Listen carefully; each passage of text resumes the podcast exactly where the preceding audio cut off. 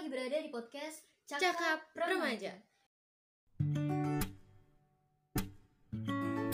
Hai, Halo, gue Deva. gue Lisa.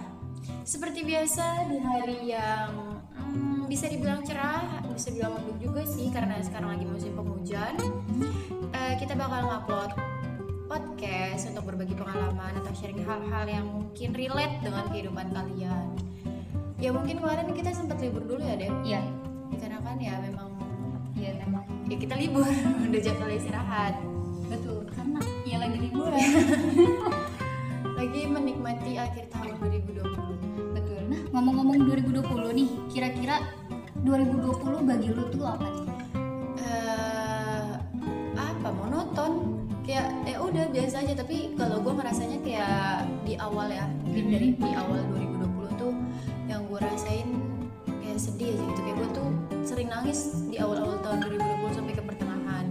Nah sampai ya pokoknya tiga bulan atau empat bulan menuju akhir tahun di situ gue baru ngerasa hal yang beda gitu. Jadi kira-kira lebih banyak kebahagiaan atau kesedihan yang dirasa di 2020? pertama kalau gue bilang kesedihan karena di ah, baru di hari di hari pertama 2020 aja kita udah ditimpa banjir. Itu udah sedih banget lah ya. Oh. Itu udah sedih banget kan ditambah lagi itu udah seminggu lebih lah ya karena banjir kayak gitu terus ditambah lagi dengan adanya virus Hmm. yang mungkin bisa ngelockdown semuanya Ya, jadi jadi ya menghambat aktivitas gitu. ya menurut gue 2020 tuh itu sedih semua sih menurut lu ya? Ah, nah di akhir tahun baru udah gue ngerasa hal-hal yang beda Kalau gue pribadi 2020 itu sebagai apa ya? Sebagai masa gue untuk mengenal diri gue sih. Walaupun gue ngerasa up and down di 2020, kayak roller coaster gue banyak nangis juga. Tapi entah kenapa yang gue rasa tuh malah bahagia gitu. Kebahagiaan tuh gue rasa ada di 2020. Jadi gue senang gitu di 2020 karena di situ gue merasa bisa mengenal diri gue sendiri. Gue bisa mengenali apa ya? Bisa bisa lebih nanti gak sih? Misalnya gue ada problem gue tuh udah bisa nyelesain lu sendiri uh, gitu. jadi kayak lu udah bisa kenal diri uh, apa sih? Lu bisa kenalin diri lu lu udah bisa kontrol diri lu lu udah tahu solusi apa yang bakal lu lakuin dalam masalah ini masalah ini karena lu udah tahu diri lu kayak gimana. Kalau misalnya sebelumnya tuh gue kalau sedih ya ini sedih banget nih gini gini gini gini. Sekarang kalau sedih ya udah emang kenapa kalau sedih? Terima aja gue lebih lebih ya udah lebih. Berarti 2020 ini eh 2020 kemarin itu isinya banyak bahagianya apa sedih jadinya? Jadi gue lebih milih bahagia sih nggak tahu gue mikir kesedihan itu ya udahlah biar udah bagian dari kehidupan jadi gue udah mikir hal yang manusiawi Hmm, bahagian aja. Nah kira-kira nih di masuk udah hampir dua minggu ya di bulan 2021 dua minggu kurang sehari di tahun 2021 2021 ini. Betul kira-kira apa aja nih?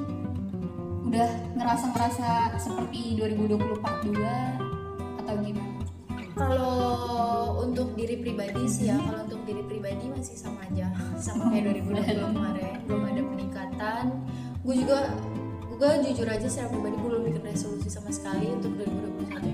jadi kayak plong aja gitu kayak- nanti kayak 2020 itu udah bikin resolusi gini gini gini ternyata nggak bisa Karena gue udah udah belajar dari 2019 kemarin, gue udah ngeresolusi semuanya, gue udah udah punya apa ya sih kayak rencana planning gitu loh eh, di 2020 tuh gue harus kayak gini gini gini tapi nyatanya kita nggak tahu kan kalau gue sih simpel aja di 2021 gue pengen lebih bahagia aja sih karena bagi buat bahagia sih. Iya bagi sih. sebagian orang susah buat bahagia ya walaupun ada juga yang bilang bahagia itu sederhana kita sendiri yang nyiptain Hmm, tapi kan sih. tapi iya, Iya, ada kalanya ah, emang sulit ada buat bahagia kan jadi pengen itu aja sih ya kalau gua ya di 2021 ini gua cuma pengen diri ini tuh jadi diri yang lagi gitu. Amin. Kayak gua tuh ngerasa dari 2020 kemarin setelah masuk covid itu kan yang di rumahin itu tuh gua ngerasa semuanya tuh kayak kacau. udah kacau dalam diri gue juga udah semua udah berantakan lah aktivitas berantakan diri berantakan. Kayak udah bahkan gue udah hampir niatan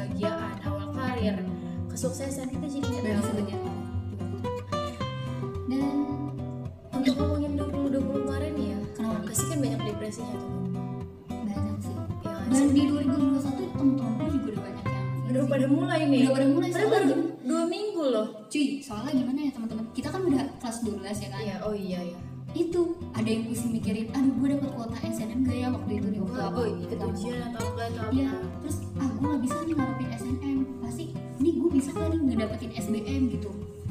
Oh iya nih ngomongin perihal SNMPTN SBMPTN kenapa nih? kira-kira lu mau- bakal lanjut kuliah atau enggak nih? Gue lebih pilih kerja. Dulu tapi tetap kuliah apa enggak? Nggak tahu nanti Ya, itu- lihat aja ke depannya. Gue itu masih jauh ya masih masih kesekian. Betul. Untuk kalian yang menjadi pejuang SNM atau pejuang SBM luck. semangat good luck. Semoga keberuntungan untuk melawan satu Indonesia ini tidaklah mudah. Semangat semangat. Berusaha berdoa dan tawakal di sini doa terbaik untuk kalian. Yaps. Oh iya kalau lu sendiri mau lanjut kuliah atau? Ya niat kuliah sih ada tapi paling gue gapir entah tahun besok tahun besok tahun besok lagi tuh gimana ya entahlah lihat lihat lihat kan psikonnya aja kayak gimana. Dan sumpah seperti yang tadi gue bilang di 2021 udah bagi anak-anak kayak kita nih kelas 12 udah akhir akhir sekolah. ya Eh, akhir tingkat sekolah itu udah pada mulai ngerasain stres semester akhir SMK nggak SMK juga SMA juga nih. Oh ya benar Hmm. udah pada stres mikirin kayak gitu tadi permasalahan SNM karena SBM lulus dari sini tuh udah udah mau iya. masuk ke gerbang kehidupan baru lagi loh. Iya betul. Lo tuh diuji di sini bakal tetap jadi eh, apa beban keluarga atau lo Iya, bisa lebih tingkat lagi. Ada mungkin yang dari kalian yang dituntut untuk lang- langsung ini nih kamu harus kayak gini harus kayak gini harus kayak gini kita tuh jadi kayak aduh ntar kalau gue nggak bisa ngelanjutin itu kayak mana? Gitu.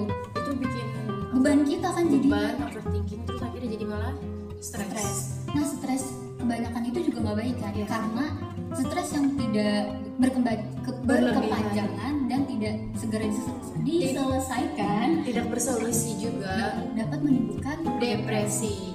Betul. Nah buat eh, apa sih ya kalau depresi ya mungkin untuk sebagian bukan sebagian sih Kenapa? emang depresi itu mungkin udah nggak asing gitu udah udah nggak awam ya masalah kayak gini ya karena ya gimana depresi masih di setiap orang merasa pasti depresi depresi tapi kalian nggak nggak apa ya nggak bisa menentukan kalian pusing kalian stres itu namanya depresi nggak semua yang kalian rasain itu namanya depresi jadi sebenarnya dep- depresi arti yang sebenarnya itu apa sih Dep?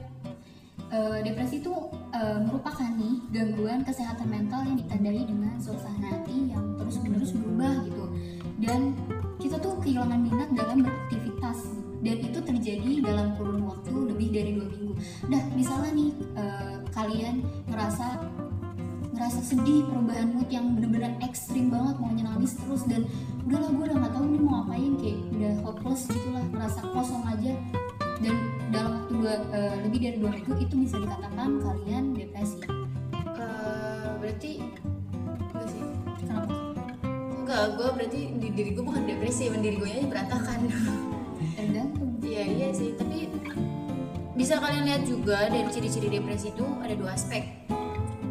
Yang pertama dari psikologi ya kedua yaitu fisik. Nah kalau dilihat dari ciri-ciri psikologi yaitu selalu dibebani rasa bersalah dan sering menyalahkan diri sendiri. nah itu biasanya banyak loh, banyak banyak banget di kalangan remaja. Hmm. Rata-rata adanya di remaja kayak ya mungkin karena gue ngeliatnya di sekeliling gue sih ya, emang kebanyakan eh, seumuran kita ini kayak ngerasa dirinya itu beban jadi beban orang tua dalam banyak hal nggak beban orang tua juga tapi dalam kadang dalam tanggal tugas sekolah pun jadi merasa sering nyalain diri sendiri iya sih. apalagi kalau misalnya lu dalam satu kelompok terus lu ngelakuin satu kesalahan yang yang sebenarnya nggak terlalu fatal, Fatal banget. tapi kita ngerasa itu beban banget buat kita Ah, gitu. Kita kayak ngerasa- besar banget gitu. kayak ngerasa ini gagal tuh semua gara-gara kita. Padahal nggak gitu. Dan yang kedua yaitu merasa putus asa rendah diri dan tidak berharga atau memiliki self esteem ya harga atau harga diri yang rendah insecure sering insecure tuh kan bisa bikin depresi. iya karena kita nggak percaya diri kita nggak tahu apa kelebihan kita. Jadi kan kita merasa kecil banget kan iya. kita merasa nggak bisa apa-apa terus gue mikir aduh ini gue nggak bisa gue nggak berguna gini gini gini lu jadi nyalahin diri sendiri. sebenarnya dari insecure itu tuh faktornya karena kita belum mengenal diri kita aja. Betul. Dan yang ketiga itu kalau merasa cemas dan khawatir yang berlebihan itu ada eh, sebenarnya ada di diri lu banget sih dulu. Dulu ya dulu dulu. Itu ada di diri lu banget. Terus dulu bahkan gue ngerasa nggak normal. Lu ngerasa gak sih? Bahkan nunggu jemputan di depan gerbang aja gue gemeteran. Demi gue selalu minta temenin orang-orang kan. Sampai akhirnya teman gue ngomong Dep lu nggak bisa gini-gini. Terus terus dari situ gue baru sadar oh gue ada nggak beres nih sampai bahkan lo aja naik angkot gak bisa ya? Iya, bahkan pertama kali gue naik sekolah nggak di eh, di naik gojek ya, gue nangis. Ingat gak sih? Pokoknya gue ada nggak, gue datang datang nangis terus ngajak lu ke toilet. Itu di toilet gue nangis. Terus yang kata kita ke TU, lu kalau nggak salah lu belok ke TU gara-gara ada panggilan gitu KJP. oh iya kali gue lupa Nah, pokoknya di situ, sumpah di situ gue nangis karena gue meteran banget, di stres gue di situ. Gak ngerti lagi. Dan yang keempat, suasana hati yang buruk atau sedih secara berkelanjutan. Nah, putus cinta, masalah keluarga, atau apa, jangan terlalu dibawa berlebihan banget karena bisa Ya, gimana kadang kalau mau dibawa berlebihan, tapi kayak suasana hati kita kayak gitu cuy kayak soalnya kita nggak tahu nih apa yang akan terjadi di ke depan Iya sih. Tapi kan, ya tapi kan setiap permasalahan itu kan pasti ada solusinya. Ya itu balik lagi kayak diri lu tadi bilang sendiri kan, kalau misalnya lu belum kenalin diri lu sendiri, lu nggak bakal tahu solusi apa yang ada di diri lu. Dan selanjutnya mudah marah atau sensitif serta mudah menangis. kalau dalam kurun waktu lebih dari dua minggu nih Lu kalian selalu kayak gini, Iya. mulut tidak ada perubahan, ya bisa dibilang lu itu termasuk orang depresi. Ya, lu sulit banget buat bahagia di situ itu udah Aku sulit bahagia. kenapa kamu kenapa kamu ketawa? lu gak mau ketawa gue ketawa tadi Enggak kamu kenapa kamu ketawa? ya Ketika aku bilang aku sulit bahagia. ya Eh, apa karena lucu aja Apa? gak tau ya aneh aja kalau lu yang ngomong Ya nyatanya ngeliat tidak ada perubahan dalam diri aku. Dan selanjutnya sulit berkonsentrasi, berpikir dan mengambil keputusan. Emang biasanya kalau orang yang udah kacau pikirannya udah kayak ya berarti gimana ya berantakan gitu loh. Jangankan untuk berkonsentrasi atau ngambil keputusan, untuk ngelakuin suatu hal aja kayak ya udah udah males. iya kayak lagi juga kalau lu pasti pasti ngelakuin kesalahan dulu kalau misalnya lu ngelakuin sesuatu segala sesuatu pasti lu kesalahan dulu karena ya itu sulit konsentrasi. Lu juga kayak ya gimana ya? Cuy? Udah di otak lu nih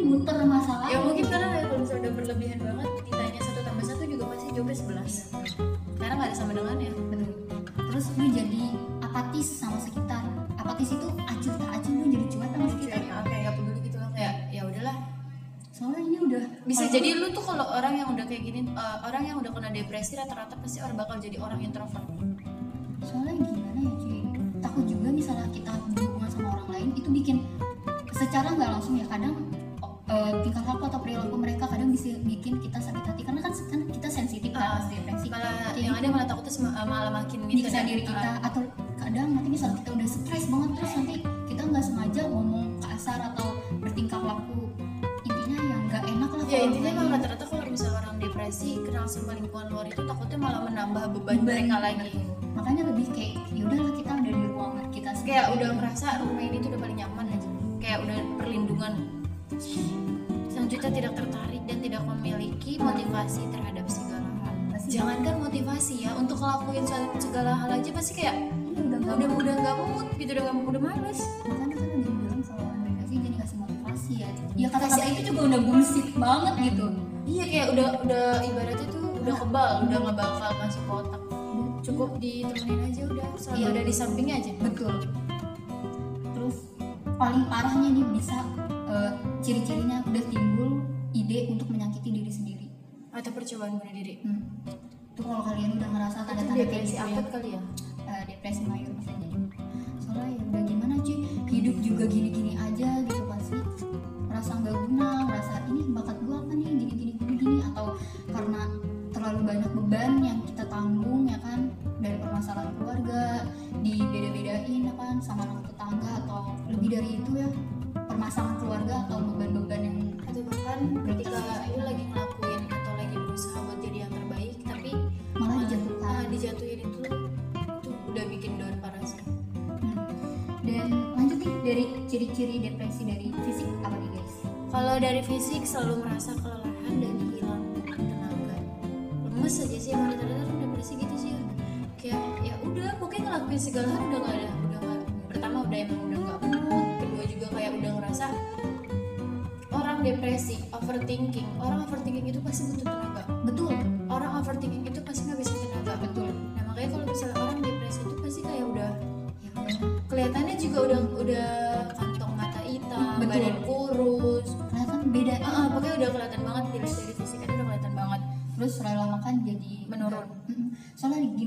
kan gue bilang gue pernah ngerasa gue diri gue gak normal. Itu tuh bener cuy.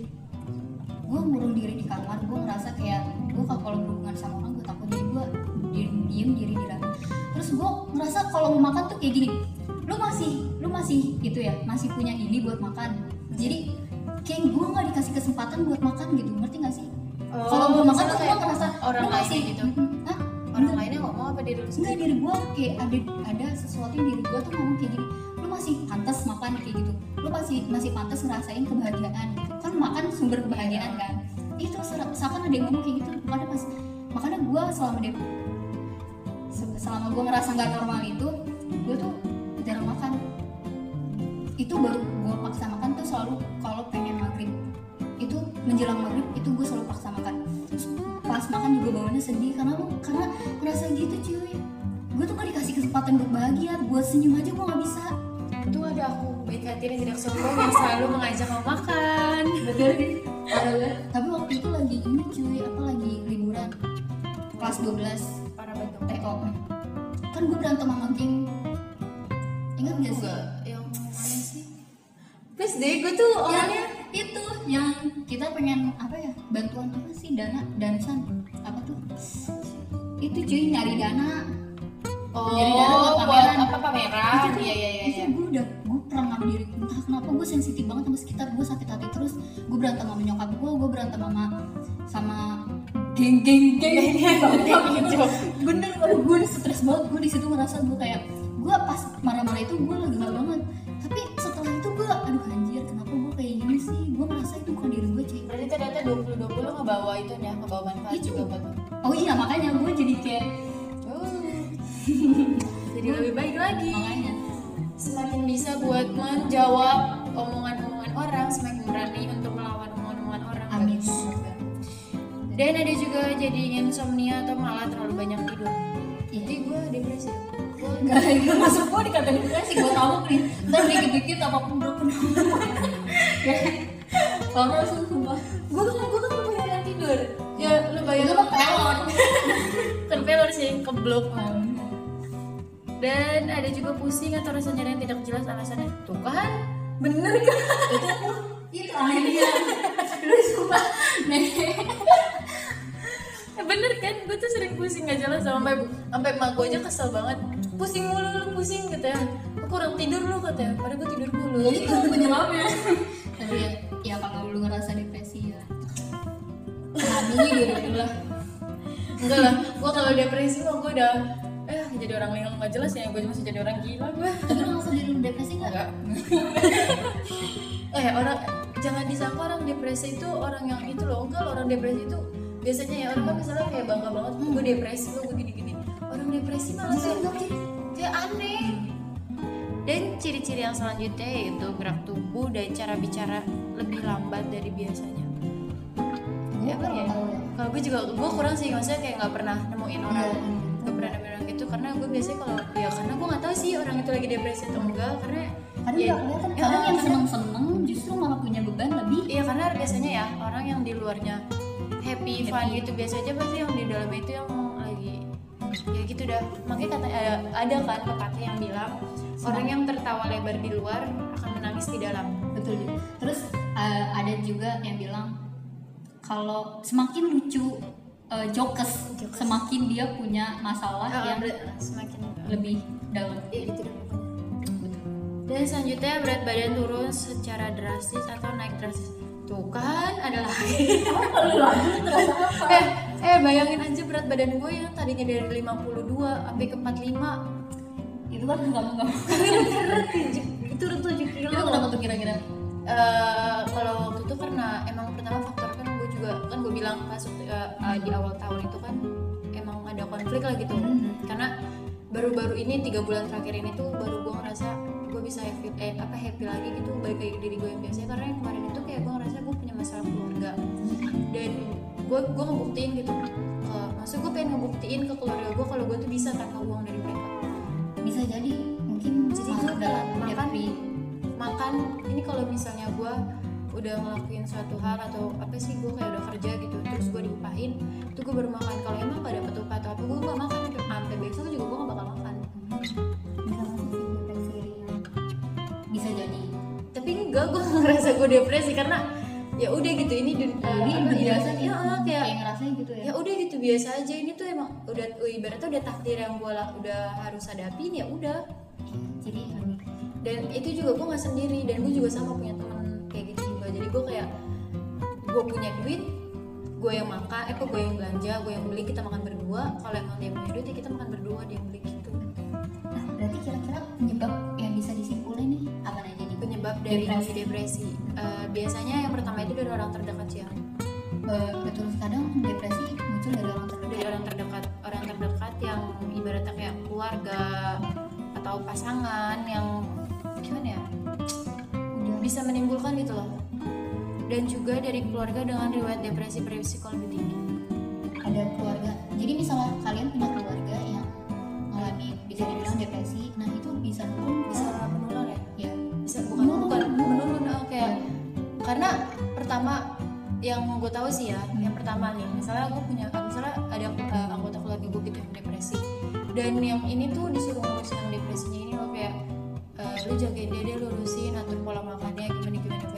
biasanya yang ngejagain yang itunya itu ikut ikutan depresi karena kayak pusing sendiri loh ini tuh anak kalau kayak kayak gini tuh pokoknya bisa jadi nurun deh. Bukan nular nurun. Soalnya ini bukan penyakit menular. Iya betul. Dan penyebab yang kedua ada Apa deh? si ada senyawa kimia di otak. Eh, biasanya orang yang mengalami depresi itu eh, terdapat ketidakseimbangan senyawa kimia di otaknya yaitu di neurotransmitter mungkin apa ya eh, ada gangguan kali ya. Maksudnya bukan gangguan ada ya gue kalau misalnya masalah medis nggak ngerti sih. Iya gue juga kayak kayak pokoknya ada senyawa ada senyawa kimia di otak lo atau ya mungkin ada kelainan lah ibaratnya. Nggak tahu ya. Ini maaf ya kalau salah. Gue so tau doang. Karena kan katanya nih misalnya kita mikir buruk itu bakal ngasih penghasilan. eh, apa ya ngalirin ke otak juga bakal kayak gitu kan. Jadi misalnya apa yang kita pikir buruk ya bakal keluarnya bakal salah negatif. Ya jadi eh, ada senyawa kimia di otak yang jadi ngasilin lebih banyak hal-hal negatif. Iya. Gue lupa itu apa namanya senyawa itu udah itu iya. itu. Itu kita agak itu so tau udah banget maaf ya kalau salah. Bisa itu kita sharing sharing lah Ada- buat kalau emang ada yang salah atau mungkin yang kalian tahu maksud dari senyawa kimia otak ini tuh gimana bisa komen betul. di podcast. Karena bisa nambah pengetahuan kita juga Yap, sebenarnya kita sharing-sharing aja. Iya, biar lebih aware sama kesehatan mental. Yup, jadi biar bisa buat pembelajaran buat orang-orang yang dengar juga. Iya, betul. Dan Penyebab yang selanjutnya itu seseorang yang mengalami depresi atau bila pernah mengalami kehilangan orang yang dicintai. Hmm, atau hubungannya kayak bermasalah atau kandas atau mengalami toxic eh relation apa? Toxic relationship apa relationship toxic? Toxic relation toxic relationship. Ya kayak pernah juga sih gue pernah nih gue punya kakak ipar. Dia pernah cerita sama gue dia tuh kayak lu tau lah menstruasi itu adalah hal yang ya, ya, iba- ibaratnya tabu gitu kan buat perempuan.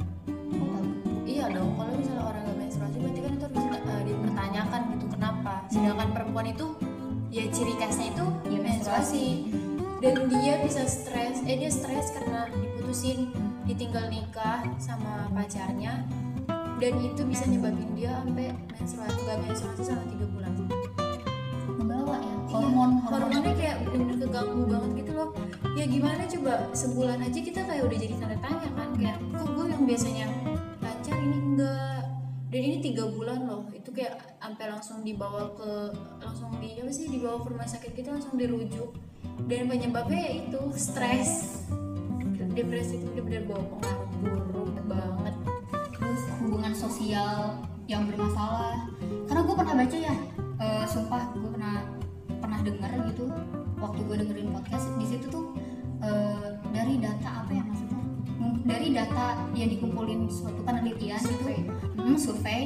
Eh, dia bilang kebahagiaan itu justru banyak datang dari hubungan sosial yang baik. Kalau hubungan lu sosial lu baik lu bakal merasa bahagia. Gue merasa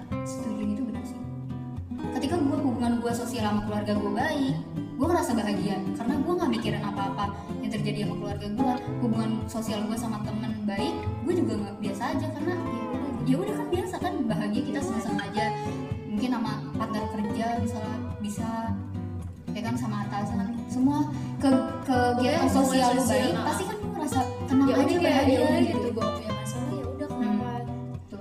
jadi kayak nggak perlu ada pemikiran-pemikiran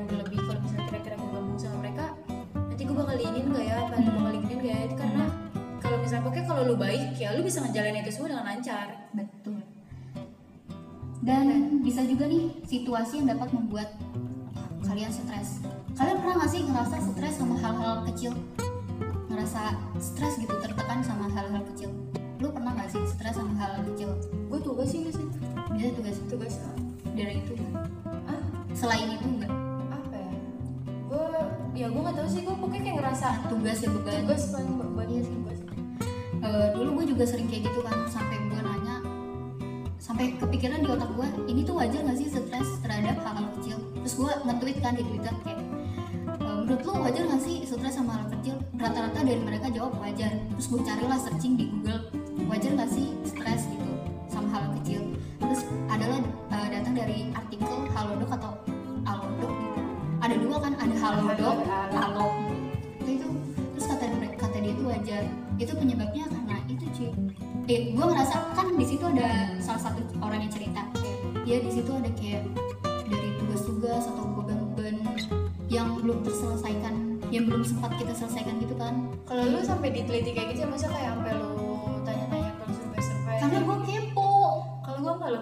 kalau udah stres Hmm. perihal tugas nih ya kan. Ya udah gue tinggalin gue tinggalin kan. Gue tinggalin tugas itu hmm. gue refreshing keluar. Hmm. kalau emang sekiranya diri gue udah baik gue bakal baik lagi. Karena kalau semakin gue udah gue udah pusing sama tugas itu tuh kan gue malah kayak udah itu aja gitu. Gue malah tenggelam aja di dalam tugas itu malah semakin gue bikin gue tambah pusing. Jadi gue kalau misalnya udah pusing sama tugas itu udah gue tinggal. Makanya gue kadang suka kayak apa ya dibilang bodo amat bodo amatan yang enggak. Gue juga peduli tapi ya caranya gue kayak gini kayak gimana sih? Kayak kemarin aja tuh tugas ada tugas kemarin yang masalah radio dan itu gue baru ngerjain hamin satu bener-bener rekaman hamin satu. Padahal udah dikasih tugas dari dua minggu dari dari, dari sebelum liburan. Dan gue baru ngerjain hamin satu. Wah hebat banget. Malamnya tuh gue baru ngerjain karena kayak udah bodo amat. Karena gue yakin gue bisa gitu ngerjain ini di malam ini tuh gue karena cuma rekaman doang gitu ya kan kayak tadi gue bilang nih jangan mentang-mentang stres itu stres terhadap hal-hal kecil itu wajar tapi jangan dibiasain. Yaps. justru dicari solusinya. Nah. karena kan gue bilang juga di awal stres yang berlebihan dan gak cepat diselesaikan bakal menimbulkan depresi. Gimana cara nyari solusinya? Ya kenalin dulu diri, diri lu yang sebenarnya tuh kayak apa. Dan lu bakal nemuin solusi yang terbaik buat diri lu. Kalau emang gak ketemu juga tanya sama pakar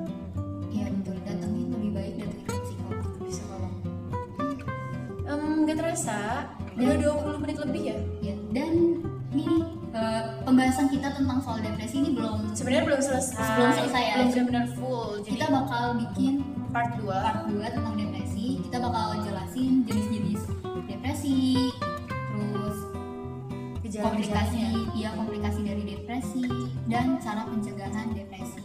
Dan harus ke mana ketika lu udah ngerasa lu depresi? Iya. Dan buat teman-teman yang merasa merasa apa ya merasa punya cerita tentang depresi depresi bisa banget bisa buat sharing sendiri biar kita bisa berbagi pengalaman juga. Atau cerita. apalagi ketika lu udah ngelewatin masa depresi itu dan lu udah nemuin solusinya. Asri lu hebat banget cuy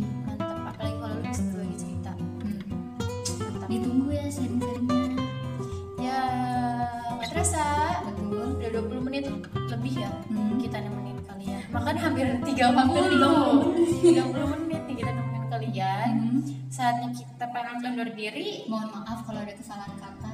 Ma- mohon maaf juga kalau ada eh, mungkin fakta bukan fakta-fakta tuh materi yang tadi kita sebutin itu menurut kalian kita itu so tahu Iya, karena kita juga karena kita juga masih kita cuma minim masih pengetahuan. pengetahuan umum aja lah buat sekitar. Ya ya ini udah yang dasar-dasarnya ya aja kita kita bagiin. kita berjumpa di part kedua tentang depresi Bye. Bye. Jangan lupa bahagia. Jangan lupa tersenyum karena depresi timbul karena kalian terlalu bersedih. Bahagia ada di hal-hal kecil. Bahagia bisa diciptakan untuk diri sendiri.